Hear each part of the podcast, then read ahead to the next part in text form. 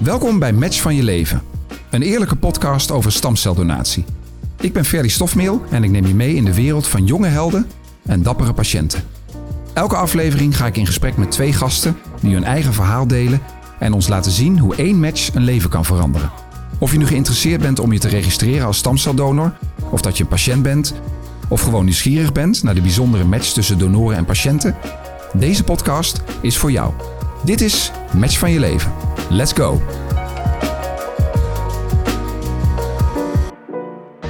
Fijn dat je luistert naar de allereerste aflevering van onze podcast over stamceldonatie.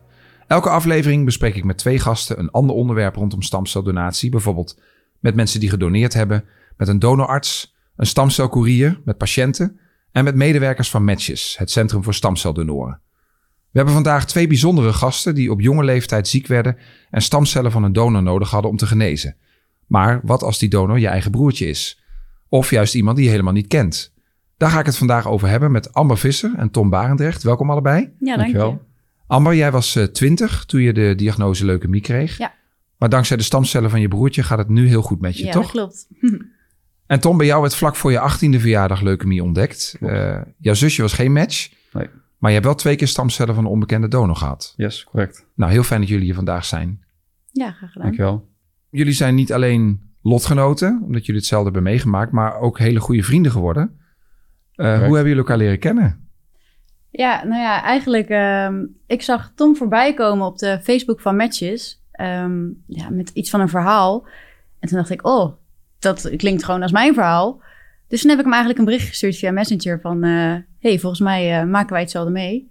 En volgens mij hebben we die dag uren achter elkaar toen berichtjes naar elkaar gestuurd. Want ja, het, was, het voelde zo hetzelfde en het was zo fijn om eens een keer met iemand... Ja, om het daar gewoon over te hebben. En Tom, je hebt meteen gereageerd. Jullie hebben uren zitten chatten, dus ja, joh, ik blijkbaar had jij er ook wel behoefte aan nog, om te delen. Nog, nog, nooit zo lang met iemand zitten chatten volgens mij als toen. Uh, ze had voor de grap moeten opzoeken, maar we hebben echt heel de nacht lopen chatten toen de tijd kwam inderdaad aan de hand van een, uh, een berichtje van Matches dat over mij was gepost toen over stamceldonatie. Ik was toen net na mijn stamcelsplantatie.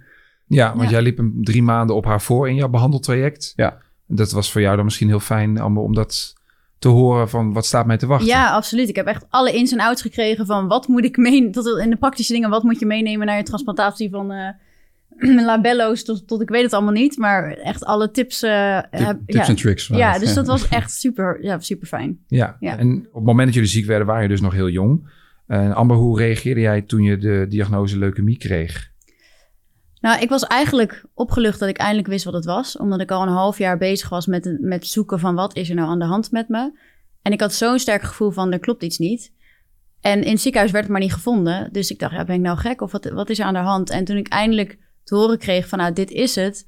Ja, het klinkt heel stom, maar ik was eindelijk opgelucht dat ik wist wat het was. En dat er wat ging gebeuren nu eindelijk. Um, uiteraard was ik heel erg geschrokken dat het dan zo ernstig was. Want je hebt dan liever dat er iets anders uitkomt. Maar ja, er was dus iets van opluchting. Maar tegelijkertijd was het ook gewoon echt een shock. En het eerste wat ik ook vroeg van, kan ik nog studeren? En toen zei de arts van, nee, dat, uh, je gaat echt minstens twee jaar er helemaal uit liggen. Dus dat gaat niet gebeuren. En ja, ik, het, vooral ook de mensen om je heen, dat is lastig. Dat je ziet hoe, hoe, die, hoe die schrikken, zeg maar. En toen ben ik smiddags naar huis gegaan. En toen is eigenlijk familie en vrienden zijn allemaal gekomen. Dat was gewoon een heel ja, rot en moeilijk moment. Iedereen aan het huilen en ja. En dan gaat het eigenlijk zo snel, want de volgende dag lag ik opgenomen. Dus je hebt ook weinig tijd om er verder over na te denken, want je begint gewoon meteen. Ja. ja. En wist je voordat het je overkwam, had je van leukemie gehoord, wist je wat het was? Of dat was ook allemaal nieuw voor je? Nou, het was wel nieuw voor me, maar omdat ik zelf zo'n sterk gevoel had dat, dat er iets niet goed was, had ik zelf ook al wel een beetje zitten googelen natuurlijk. Um, dus ik dacht zelf eigenlijk dat ik lymfeklierkanker had. En toen uiteindelijk uh, kwam er dus acute lymfatische leukemie uit. Dat is later nog uh, weer een andere diagnose geworden, lymfoblastair lymfoom. Dus al die specifieke termen wist ik niet precies, maar ik wist wel ongeveer wat het was. Ja, en nu kan je met Scrabble altijd winnen. Want nu jij kan kent, ik, precies. Zo, jij kent woorden die niemand Die kent. niemand kent. Nee. En Tom, jij zat dus aan de andere kant van de wereld, Ja, zonder je ouders. Ja, Je was nog geen 18. nee. En toen kreeg jij te horen dat je ernstig ziek was. Ja, ging klopt. dat? En uh, bij mij was eigenlijk denk ik compleet tegenovergesteld van, uh, van Amber. We zijn allebei heel koppig. Alleen uh, zij was meer koppig in de vorm van zij wou echt weten wat er met haar aan de hand was. Ik had al redelijk wat symptomen gaande op het moment. ik was ook naar verschillende artsen wel geweest, maar um, ja, die kwamen met allerlei medicijnen en pijnstillingen aanzetten die dan tijdelijk het probleem even oplosten. Tot ik op een gegeven moment gewoon overal uh, blauwe plekken kreeg. Omdat ik gewoon zo'n tekort had aan bloedplaatjes. Um, en ik gewoon spontaan begon te bloeden. Uh, toen wist ik eigenlijk wel dat het niet helemaal klopte. Toen ben ik uiteindelijk geforceerd maar naar de emergency room gegaan in, in Wisconsin. En toen kreeg ik inderdaad de diagnose leukemie al vrij snel. Ja, want jij was in Amerika omdat je op hoog niveau ijshockey speelde. Ja, ik speelde toen juniors. Ja. En bijna het nieuwe seizoen begon. Je was helemaal voorbereid. Je was er klaar dag voor. Ervoor, ja. Eén dag ervoor. Ja. En toen uh, stond de hele wereld even op zijn kop. Ja, en, en ook voor mijzelf ook al had ik heel veel natuurlijk al klachten hier en daar. Als ijshockeyer kreeg ik en toe wel een tikje, een ditje en een datje. Dus daar maak je niet zelf niet heel druk om. Zeker niet als goalie. Ik stond het net. Blauwe plekken waren ook niet heel erg raar, laten we het zo zeggen. Um, uh, en ik was eigenlijk, als je denk iedereen vroeg in mijn vriendengroep, bedoel, als ze zeggen, joh, wie is de fitste persoon die je kent, dan was ik dat wel. Dus ik uh, kon nooit geloven dat ik niet gezond kon zijn, want ik ben nooit niet gezond geweest. Tot dat punt. En dan was het ook gelijk in één keer raak. En ik had geen idee wat het was. Ik zei tegen de arts van, joh, uh, geen idee wat dat is, maar morgen begint, begint mijn seizoen. Dus ik heb andere dingen te doen, dus geef maar wat pillen of zo en dan kan ik weer door. En dan moeten die ouders gebeld worden. Ja, en dat werd toen gedaan door de arts, want de arts had heel snel door dat hij, ik dus niet snapte wel hoe ernstig de situatie was. Ze heeft toen uh, mijn vader wakker gebeld. Die was magisch gezien wakker, nog midden in de nacht. Was toen, in Nederland was het uh, s'nachts. Die is uh, toen een tijd gelijk naar Schiphol gereden en naar de Verenigde Staten gekomen. Ondertussen ben ik naar het ziekenhuis gereden. Um, en ben ik aan de, aan de chemo gegooid eigenlijk. Daar kwam het eigenlijk op neer. Ja, ja, dus je bent in de ambulance naar het ziekenhuis gegaan. Ja. En voordat je vader was, was jij al in het ziekenhuis en was de behandeling eigenlijk al begonnen? Ja, toen was we waren we al van start gegaan. Ja. Ik had al een, een chemolijn in mijn arm liggen, dus we waren al ready to rumble. Ja, nou, dan ben je zo jong en dan heb je dus helemaal geen tijd om erover na te denken. Wat gebeurt mij, wat overkomt mij? En het, het is letterlijk een achtbaan die al begonnen is. En je weet niet eens, nou ja, je weet nog helemaal niks. Nee, klopt. Ja, omdat het zo ernstig is, moet er ook gewoon gelijk gehandeld worden. Ja. Dus je hebt ook geen tijd om uh, ja, nog eventjes te wachten of even te laten bezinken. Nee. Het, is gewoon, Nee. het begint gewoon meteen. Ja, klopt. Ja, bij mij was het zo snel allemaal gegaan dat ik zelfs toen al, uh, nou, uh, dus in mijn geval, mijn sperma moest afgeven omdat ze wisten van, je wordt niet, je kan geen kinderen meer krijgen zodra we deze behandeling starten. Dus dat moest ik ook nog even doen, vlak voordat uh, ik de, de chemo uh, startte. En dan ben je dus nog niet eens 18. En Nee. dan moet je over nadenken, wil Dan ik ooit kinderen? En daar moet ik dan nu preventief al voor zorgen dat moest dat nog zou kunnen. echt niet aan de kinderen denken, laat ik zo zeggen. Nee, Maar ja, je bent moest- zelf nog een kind. Ja, precies, ja. Ja. Dan is het nu tijd voor onze vaste rubriek, de stelling van de week. Eh, elke week gaan we met een stelling de straat op en vragen we mensen om een reactie. En de stelling van vandaag is: stamceldonatie zou voor iedereen verplicht moeten zijn, tenzij je aangeeft dat je het niet wilt. Nou, dan gaan we even naar luisteren. Ja, daar ben ik het wel mee eens. Als met eh, algemene donorregistratie. ik denk dat heel veel mensen er niet over nadenken. En als je er wel actief over nadenkt en je het niet wilt, dan zal je zelf ook wel uit kunnen schrijven. Nee, dat denk ik dan weer niet. Want ik ben wel heel erg voor orgaandonatie na de dood. Eh, dat dat zeg maar de default is. Maar dit is wel iets wat je echt doet terwijl je levend bent. En ik denk dat je daar niet mensen dat kan verplichten. Oh, daar ben ik het wel mee eens. Want dan kan je het nog steeds, je hebt nog steeds vrije keuze. Als je niet wil, kan je niet doen. En dat is, daar ben ik het wel mee eens, ja. Nee, dat vind ik niet. Ik vind dat iedereen zelf moet bepalen of diegene donor is of niet. Bloeddonatie is ook niet verplicht. Ik denk niet echt dat het kan. Hetzelfde als uh, organen doneren. Ja, het zou gewoon een vrije keuze moeten zijn. Zo niet, dan is het een keuze gemaakt door de overheid en dat is een ja. als bewust eh, een behandeling onder, moet ondergaan, ergens naartoe moet en zo. Dat eh, zie ik als iets waar je voor opgeeft en niet iets waar je dan voor moet afmelden. Ja, je moet er inderdaad wel voor, voor zelf voor moeten kunnen kiezen. Ehm, maar dan zou er wel van tevoren wel meer aandacht aan moeten komen. Want ik heb eigenlijk geen idee wat het is. Dus dan, net als met normale donor, dat je dan dat er een campagne komt of zo. Nou, wisselende reacties, heel begrijpelijk. En eigenlijk allebei de argumenten snap je, hè? Ja. je kunt mensen niet dwingen om iets te doen wat ze niet willen. Tegelijkertijd, als het verplicht is, dan zijn mensen misschien eh, minder geneigd om zichzelf af te melden. Denk, oké, nou ja, wil ik dit? Nou ja, is goed. Dan, dan, dan zien we het tegen die tijd wel. Het is praktisch natuurlijk niet haalbaar om mensen te, te dwingen, want je moet ook daadwerkelijk iets eh, afge- afstaan om, om, om je in te schrijven als donor. Maar hoe staan jullie daarin? Ja, ik vind het ook wel lastig, want het is inderdaad, je kan mensen niet dwingen, maar er is ook jammer genoeg nog niet genoeg bekendheid over. Dus er zijn inderdaad heel veel mensen die het misschien wel zouden willen, maar die gewoon geen idee hebben wat het is. Ik bedoel, ik wist zelf ook niet wat een stamceldonor was voordat ik ziek werd. Dus ja, ik weet niet, wat vind jij? Nou, ik denk als ik naar de antwoorden zo luister van, ehm, eh, van die mensen, is dat ik wel hoor dat ze allebei, waar ze het over hebben, is, eh, moet wel vrije keus zijn. Ja, Ehm, dus ik denk alsnog, al zou het verplicht zijn, eh, zoals Ferdi al aangaf, je moet natuurlijk wel ehm, een swap afgeven, et cetera. Het is niet zo dat we zomaar even kunnen aanmelden. Nee. Ik denk dat het geen probleem zou zijn in mijn ogen. Ehm, je mag vanaf je 18e stamceldoner worden, Ja. volgens mij. Ja. Nou, dat als je 18 bent, dat je een brief thuis krijgt eh, met zo'n swap en dat mensen dan actief de keuze kunnen maken. Ja. Ehm, dan heb je alsnog vrije keus, is het niet verplicht. Ja. Ehm, met duidelijk misschien een, een videootje of uitleg erbij wat je voor iemand kan betekenen. Ehm, en wat het inhoudt. Want kijk, uiteindelijk de kans dat je ook wordt opgeroepen als een, als een donor is, correct me if I'm wrong, maar volgens mij over het algemeen 1 op 50.000. En als je van andere afkomsten komt, zelfs 1 op 200 of 350.000. Dus de kans dat je opgeroepen wordt is sowieso vrij klein. En de impact die je kan hebben op mensenleven is wel heel erg groot. Dus ik Ja. denk dat er eh, wel een, een fijne lijn is, maar dat we best wel een manier kunnen vinden om het nogmaals niet verplicht te maken, maar mensen wel gelijk op hun achttiende de keuze te laten maken van hey, dit is wat het is. Ehm, Ja. Zou je hiervoor aan willen melden? Dat, dat denk ik wel. Ja, dat denk ik ook. Probeer ik altijd aan mensen uit te leggen van... Het is zoiets bijzonders dat je dat kan doen terwijl je er gewoon zelf nog bent. Ja. En je, ja, je kan gewoon potentieel iemand zijn leven redden. Hoe bijzonder is dat? En zijn veel van jullie vrienden stamceldonor? Ja. Allemaal.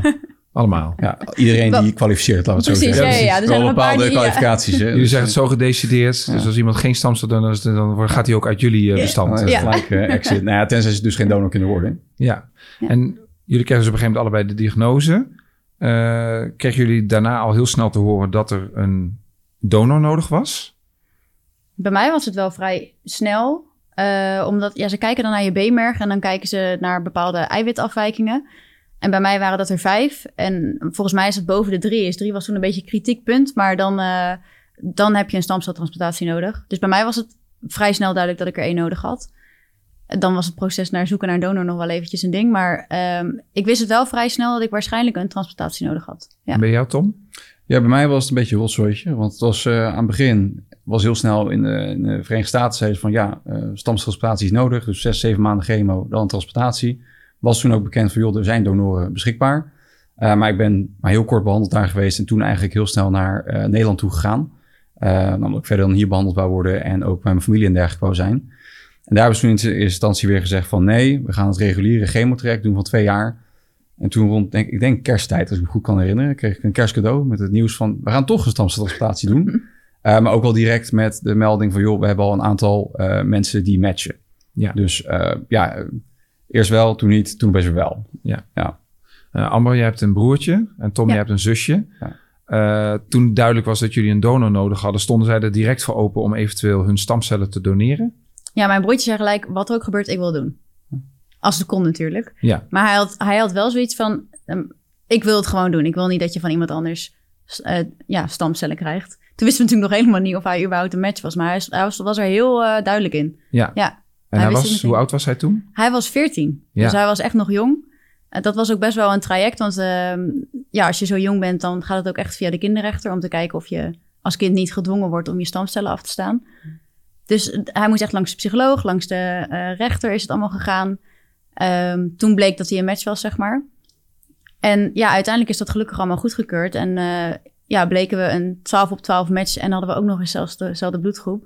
Dus En dat is heel dat bijzonder, is heel hè? bijzonder, ja. Het is gewoon een grotere match kan je niet zijn. En ik heb maar één broertje, dus dat is gewoon echt super bijzonder. Ja, want ik begreep dat, eh, dat er maar 25% kans is In de familie. in de familie. Ja. Dat er een, je zou verwachten, oh, in familie, broers, zussen, ooms, tantes, eh, vaders. eh, Je vindt altijd wel iemand. Nee. Maar er is maar 25% kans dat er Ja. iemand in je familie een goede match heeft. Ja, En, dat komt omdat eigenlijk ook alleen broers en zussen een soort gekwalificeerd zijn. Ja. Omdat je van je ouders ben je altijd de helft, dus je kan nooit 100% zijn. Nee.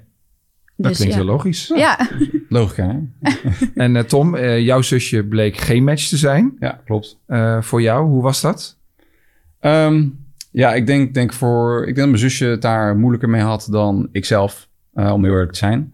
Eh, want die wou het natuurlijk wel heel graag doen. Eh, toen uitkwam dat het niet zo was, dan ehm, ja, vond ze dat denk ik wel heel erg moeilijk. Maar ik ben altijd heel erg gefocust geweest eigenlijk op mijn eigen traject toen ik ziek was. En niet zozeer met de buitenwereld. Ehm, nou wisten we natuurlijk wel, voordat überhaupt mijn zusje getest werd, dat ik al meerdere matches had. Dus als Ja, het niet dat is- zou zijn... We wisten dat sowieso er een match zou zijn. Ehm, en voor mij maakt het eigenlijk persoonlijk niet heel veel uit wie die eh, match was. Ik denk eigenlijk als ik zelf een keuze moet maken, ben ik eigenlijk blij met dat het niet eens mijn zusje is geweest. Uh, omdat ik haar zo min mogelijk eigenlijk betrokken wou hebben in het hele traject. Voor mij persoonlijk. Want ik heb altijd gekeken naar eh, ja, mijn eh, gevecht met leukemie als een soort uh, topsportwedstrijd, laat ik het zo zien. um, die ik deze keer echt niet kon verliezen. Uh, maar ik vond het wel echt mijn traject en ook mijn, klinkt heel hard, maar echt mijn probleem. En zo heb ik er ook altijd naar gekeken. En dat heeft denk ik af en toe wel lastig gemaakt voor de mensen om me heen. Maar ik heb het wel zo voor mezelf, ben ik daar mentaal heel goed mee doorheen gegaan. Ja. Dus ik vond het eigenlijk niet zo erg dat mijn zusje niet matchte. En ik zei ook tegen haar, joh, maak niet druk. Wij lijken ook echt totaal niet op elkaar op geen enkel vlak. Dus verbaast me ook totaal niet. Maar je Dus, zegt eh, hard, maar ja. je zou kunnen zeggen, je wilde haar ook beschermen. Ja, ja, ik wou zo min mogelijk dat de mensen om me heen ermee te maken zouden hebben. Ja, ik heb ook heel veel van mijn afspraken en dergelijke altijd zelf gedaan. Zonder ouders erbij. Ja. En hoe hebben jullie allebei de, de stamceltransplantatie ervaren, Amber? Nou, voor mij was het natuurlijk. Ehm, dat is ook wel een verschil met dat Tom al wist dat, dat, dat er sowieso een donor was. En bij mij liep dat traject een beetje tegelijk met dat ze bij mijn broertje gingen testen en in de donorbank gingen zoeken. Dus die periode was sowieso heel onzeker eigenlijk, omdat we niet wisten of er überhaupt een donor was. Dus toen we wisten dat mijn broertje een match was, was het gewoon super, super fijn. En ja, toen was dat proces van transplantatie was ook wel een beetje lastig, want mijn broertje die moest naar het kinderziekenhuis omdat hij moest eh, zijn stamcellen afstaan. En dat gaat bij kinderen dan wel onder narcose. En ik lag in het Erasmus. Dus ja, mijn moeder die was met mijn broertje mee en mijn vader was bij mij. Dus dat was best wel lastig, want wij waren juist wel heel erg van dat we het met het gezin deden. En ja, we wilden eigenlijk die transplantatie ook met elkaar doen. Dus het was heel spannend of hij op tijd terug zou zijn bij mij in het ziekenhuis. ehm, ja, om bij de transplantatie te zijn. Want ja, het was voor hem... Ik snap wel waarom jij je zusje wil beschermen, want het is voor mijn broertje echt wel pittig geweest. Hmm. En ja, gelukkig kon hij erbij zijn, dus dat was echt heel fijn. Ehm, maar dat was wel een hele vervelende en onzekere periode, omdat je, ja, je bent dan toch een soort gescheiden van elkaar, terwijl je eigenlijk samen alles wil doen. Dus ja, gelukkig was hij wel bij de transplantatie. En ja, die transplantatie zelf, je, je maakt daar een hele voorstelling van, maar het stelt echt geen reet voor, want het is gewoon een zakje stamcellen wat inloopt. Ja, Maar toch was dat, omdat het van mijn broertje was, was dat moment wel heel bijzonder en emotioneel. ja. Ja. En jullie band is nog hechter geworden, Ja, heb ik goed begrepen. En Ja. jullie gaan ook jaarlijks nog even Ja, samen we- dit moment even bij stilstaan. Ja, zeker. We proberen jaarlijks eh weekendje Parijs te doen om, eh, om het te vieren. En nou, onze band was al goed, maar ja, nu is het gewoon... Ik weet niet. we- Ja, dit is toch anders. Het is heel moeilijk te omschrijven, maar dat is ook een beetje een gevoel, denk ik. En het is gewoon heel gek dat we qua bloed, we zijn gewoon identiek nu. Dus dat is zo gek. Dan zijn we nu aangekomen bij onze tweede vaste rubriek, de Q&A. Eh, elke week vragen we onze luisteraars om een vraag in te sturen voor onze gasten. En die mogen jullie dan beantwoorden. Nou, de eerste vraag komt van Willem. Hoe reageerde je broer of zus toen die hoorde dat hij wel of geen match was? Ja, dat is eigenlijk het verlengde van wat ik net vroeg. Hè? Dus Ja. toen bleek eh, in jouw geval je broertje een match te zijn, in jouw geval je zusje niet. Hoe reageerde zij? Nou, mijn broertje was heel blij, omdat hij dus al van tevoren had gezegd: Ik wil het graag doen. Ehm, ja, eigenlijk dat. Dus dat is een kort antwoord. Maar ja, hij was gewoon heel dankbaar dat hij dat mocht doen. Hij schrok er niet van en dacht, oh, nou moet ik het ook echt gaan nou, doen. jawel, tuurlijk, het is wel spannend. Eh, zeker onder narcose en die beenmergpuncties. En je weet niet of je pijn krijgt. Of... Tuurlijk, dus het is wel spannend. Maar ik denk dat, ja, hij was vooral dankbaar dat het, dat het kon. En Tom, hoe vond jouw zusje dat ze uiteindelijk geen match was? We hebben het er niet heel uitgebreid over gehad, moet ik zeggen. Maar ik denk dat ze in eerste instantie wel verdrietig was. Ehm, maar, eh, maar zoals ik net al zei, je- we wisten al dat er andere eh, opties waren. Ehm, dus voor ons zat er niet eh, heel veel stress achter. En ik was eigenlijk wel blij persoonlijk ermee, als ik net al aangaf. Maar voor haar eh, vond ze het uiteraard jammer. Ehm, maar goed, het is uiteindelijk eh, het is nog goed gekomen. Dat is het Ja, dat belangrijkste. is het belangrijkste. ja. Het eindresultaat. Ja. Nou, de tweede vraag komt van eh, Sarah. Ik vroeg me af hoe snel na het ontvangen van de stamcellen je een effect merkte en wat voor effect dat was. Nou, wie kan daarop antwoorden?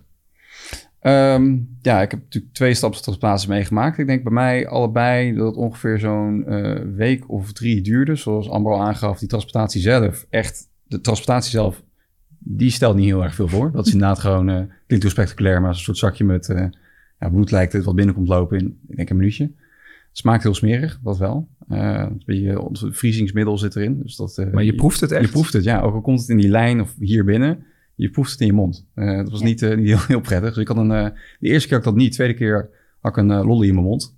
Dus dat, eh, voor je, als iemand een transplantatie ooit moet doen, doe een lolly in je mond. Neem een lolly mee. En neem een lolly mee, dat is echt heel smerig. Ehm, dus, en wat je er dan van merkt, ja, ehm, ik denk na drie weken zie je eigenlijk voornamelijk je, je bloedwaardes. Voor mij zijn het je neutrofielen, je absolute neutrofielen, waar ze specifiek naar kijken. Die moeten naar een bepaalde waarde kijken of omhoog gaan. En mijn eh, doel was zo snel mogelijk het ziekenhuis uit. Want ik heb uh, nooit zo naar mijn zin gehad daar. Ik probeerde altijd een record te zetten om zo snel mogelijk weg te zijn. en maar als ja, je zit er zeker een maand, uh, twee maanden. Ik ben denk ik twee weken na mijn transplantatie was ik alweer het ziekenhuis uit. Uh, omdat ik exact wist welke uh, waardes op een bepaald niveau moesten zitten. En het moment dat ik dat zag, was ik weg. Dus heb ik er persoonlijk heel veel van gemerkt? Nee, maar de statistieken waren goed. En de stats don't lie, zeg ik altijd. Dus ik was pleiten.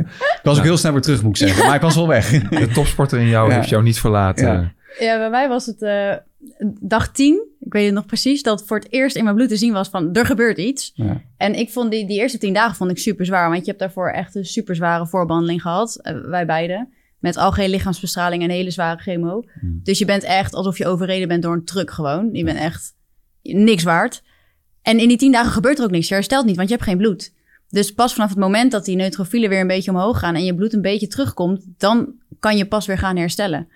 Um, dus ik had wel ook het doel om hem eigenlijk in te halen, qua zo snel mogelijk het ziekenhuis uit. Dat is niet gelukt. Ik heb er iets langer over gedaan, want ik kon, uh, kon een tijdje, ik kon een tijdje nog niet zelf eten en mijn pillen niet zelf slikken. Toen we er een, een, minuut overheen waren, zei ik: Amber, het is nu goed geweest. Ik heb gewonnen. Je mag naar huis. Ja. Ja. En ik denk even in het kort voor mensen om echt een transplantatie te snappen. De max uitleg die ik mensen altijd geef. Het is alsof je een auto hebt en de motor is stuk. Je beenmerg, dat is waar uh, je bloed uh, eigenlijk geproduceerd wordt. En wat ze eigenlijk doen in plaats van dat er een nieuwe motor wordt ingezet, slopen ze eigenlijk heel de auto. En gaan ze dan weer eerst de motor weer maken en daarna bouwen ze de auto er weer omheen. Dus ze slopen eigenlijk heel je lichaam met bestralingen en chemotherapieën. Ja. Want ja, laten we heel eerlijk zijn, chemo's en dergelijke, het is geen medicijn in mijn ogen. Het is meer een soort uh, vergif. En degene die het eerst omvalt is of jij of die ziekte. Nou, en dan vervolgens door stamcellen te geven, ga je eigenlijk het uh, bloedsysteem van die donor kopiëren. Waardoor je nieuwe bloedcellen krijgt en je lichaam weer kan herstellen. En je zo langzaamaan, na een jaar ongeveer, weer een werkend bloedsysteem moet hebben. Ja. Dat is een beetje het idee. Ja, een hele mooie, heldere metafoor. Ja. Hebben jullie nou het idee dat, dat jullie ervaring verschillend is, uh, doordat jij Amber, uh, de donor kent, en jij Tom niet? Ja, daar hadden we het net al een beetje over, maar eigenlijk echt totaal niet, volgens mij. Het was gewoon bij allebei even zwaar. Ja. Ik, kan, ik kan het nog steeds niemand aanraden. Ik heb twee keer geprobeerd, er was geen bal aan. Nee? Nee, was, uh, was niks aan. Dus je bent nog steeds geen voorstander? Nee, ik ben geen voorstander van stapstransplantatie. Nee. Dat moet en moet het. Maar uh, nee, ik denk persoonlijk voor ons, ja... Uh, we hebben allerlei an misschien andere bijwerkingen dergelijke gehad. Um, maar ik denk als je nu ook op de lange termijn kijkt... Um, ja, denk ik dat als we zo op terugkijken... dat we eigenlijk precies hetzelfde doorheen zijn gegaan. Ja. Ja. En nu hebben jullie echt een goede vriendschap samen. Absoluut, ja. Is jullie vriendschap dan heel anders dan jullie vriendschappen met mensen die dit niet hebben meegemaakt? Ja, eigenlijk wel.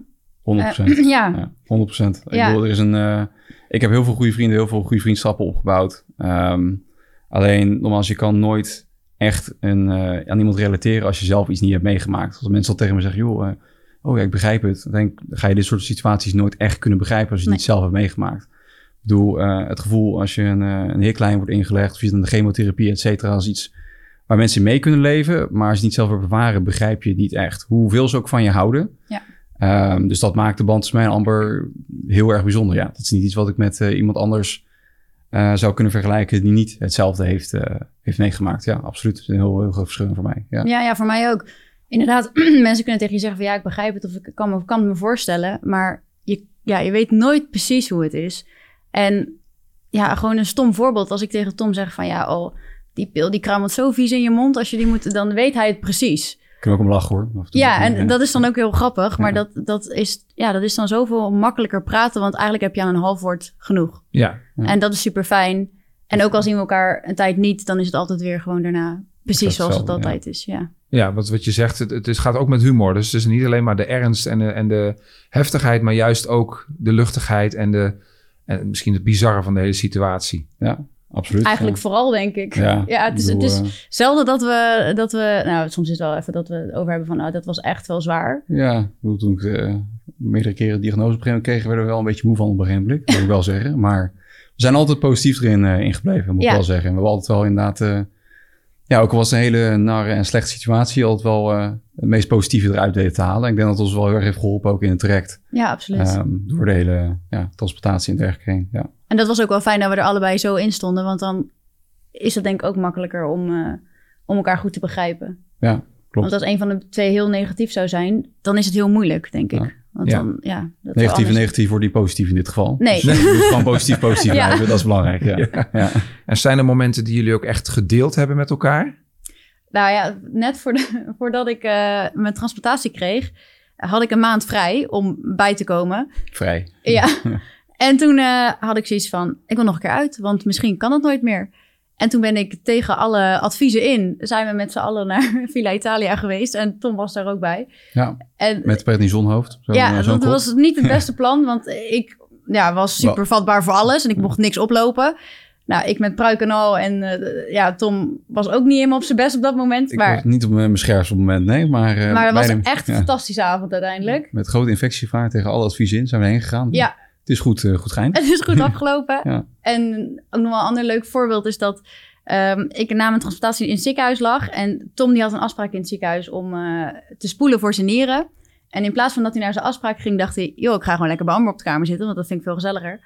En nou ja, hele ziekenhuis in reparoer, want waar was Tom? Op zijn afspraak. En toen kwamen ze bij mij in de kamer en toen zeiden ze... wat doe jij nou hier? Jij hebt toch een afspraak? En volgens mij zei jij toen van... ja, joh, hang me maar hier gewoon aan die paal. Ja, ik dacht, ja, weet je, ik was er zo bekend. En jullie komen mij vast wel vinden, was een beetje mijn reactie.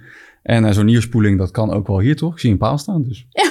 En dat kon, er ook dat aan. mocht. Ja, Ja, dat ja. kon. Dus eraan opgehangen en eh zaten Amber en ik eh, gezellig eh, aan de paal vast. Totdat Amber opeens naar de wc moest. Dat was een iets ingewikkelder verhaal. Ja, want we hingen dus aan diezelfde paal. Ja. Dus toen stond Tom zo buiten de, buiten de wc, zo met zijn arm van... nou ja, oké, dan eh, sta ik Ja. hier maar even zo. Zo met mijn hoofd tegen die deur aan. Aan, Een soort Siamese tweeling waar je Ja, geworden. precies, ja. Nou ja, dan kun je inderdaad zeggen dat jullie vriendschap meer is dan een beetje chatten en een keer uit eten. Ja, Klopt, nee, ja. absoluut. Maar eh, hele intieme momenten gedeeld, kunnen we Ja. wel zeggen. Kan wel zeggen, ja. ja, ja, zeker. En eh, nou, ja, jullie- nou, ja, zoals jullie hier zitten, klinken jullie heel levendig, actief. En, eh, maar hoe gaat het nu met jullie? Voelen jullie ook echt goed? Ik voel me wel echt goed, ja. Ik heb wel... Ik heb dagelijks dingen die me er nog aan doen herinneren. En dat zal denk ik ook voorlopig zo blijven. Maar ik mag echt niet klagen. Ik, kan- ik, heb echt, ik kan echt in mijn handen klappen met hoe goed ik hier uitgekomen ben. Ik heb echt zoveel geluk gehad.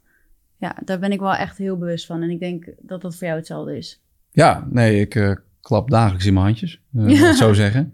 En eh, ja, nogmaals, je, je realiseert pas echt hoe belangrijk je gezondheid is als je het eenmaal niet meer hebt. Ja. Ehm, dus dat was eh, een hele grote nou, realisatie voor mij. Zeker als topsporter, omdat ik altijd dacht, en gezondheid is mij gegeven, want dat heb ik gewoon. En ehm, ja, nu gaat het eigenlijk eh, heel erg goed. Ja, als Amber ja, hier en daar wat kwaaltjes en dingetjes. Dankjes. Ik zit heel het water te drinken, want ik heb een super droge mond. Dat is een voorbeeld. Dat zie ik Amber ook doen. Ja. Ehm, dus dat soort dingetjes maak je mee. Maar ehm, ja, ik, eh, ik ben enorm dankbaar voor elke dag die ik nu gezond ben. En nu ik ook gezond ben, haal ik ook elke dag het beste uit het leven. En ik ben heel dankbaar dat ik dat nu al op deze leeftijd ja, heb geleerd. Want er zijn ook mensen die het pas op latere leeftijd achterkomen van... oh, het leven is eigenlijk best mooi. En wij weten dat gewoon nu al. En ja, we hebben voor mij ook allebei wel tegen onszelf gezegd... van we gaan nu echt van elke dag het beste maken. En dat doen we. Make Ja. your shit your hit, zeg ik altijd. Kijk. En zijn er ook nog dagen of momenten dat je gewoon een normaal mens bent en dat je je irriteert over hele onbelangrijke dingen? Ja, tuurlijk. Ik vind ook wel eens het weer vervelend. Of nou ja, er zijn altijd wel, eh, ook wel dingen waar ik me aan irriteer. Maar ja, het relativeren is wel makkelijker nu. Ja, dat je denkt van ja, hoe belangrijk is het nou? Ja. Nou, dankjewel voor jullie, eh, voor jullie eh, verhaal. Ja, we hebben het uitgebreid gehad over het verschil dat jij een donor had, Amber, die je kent, Ja. een broertje. En jij een donor twee keer zelfs van iemand die je niet kent. Yes. En eigenlijk eh, elkaar heel erg herkenden en, en heel veel aan elkaar hebben gehad. En dat het dus ook je blik op het leven op sommige punten alleen maar eh, heeft bevestigd van ja, dat is wie ik ben en hoe ik wil zijn. En op andere dingen heeft het je wel doen beseffen waar het echt om gaat. Ja, Vat ik dat goed samen zo? nou absoluut. Absoluut. Oké. Ja. Ja. Nou, dan wil ik jullie eh, ontzettend bedanken dat jullie hier vandaag wilden zijn in onze studio. En heel fijn te horen dat het nu zo goed gaat met jullie. bedankt, bedankt. voor het delen van jullie ja, verhaal. hartst- heel graag gedaan. Ja, heel bedankt. En tegen de luisteraars zeg ik dank jullie wel voor het luisteren. De volgende keer horen we wat je als donor kunt verwachten als je wordt gebeld als mogelijke match. Tot dan.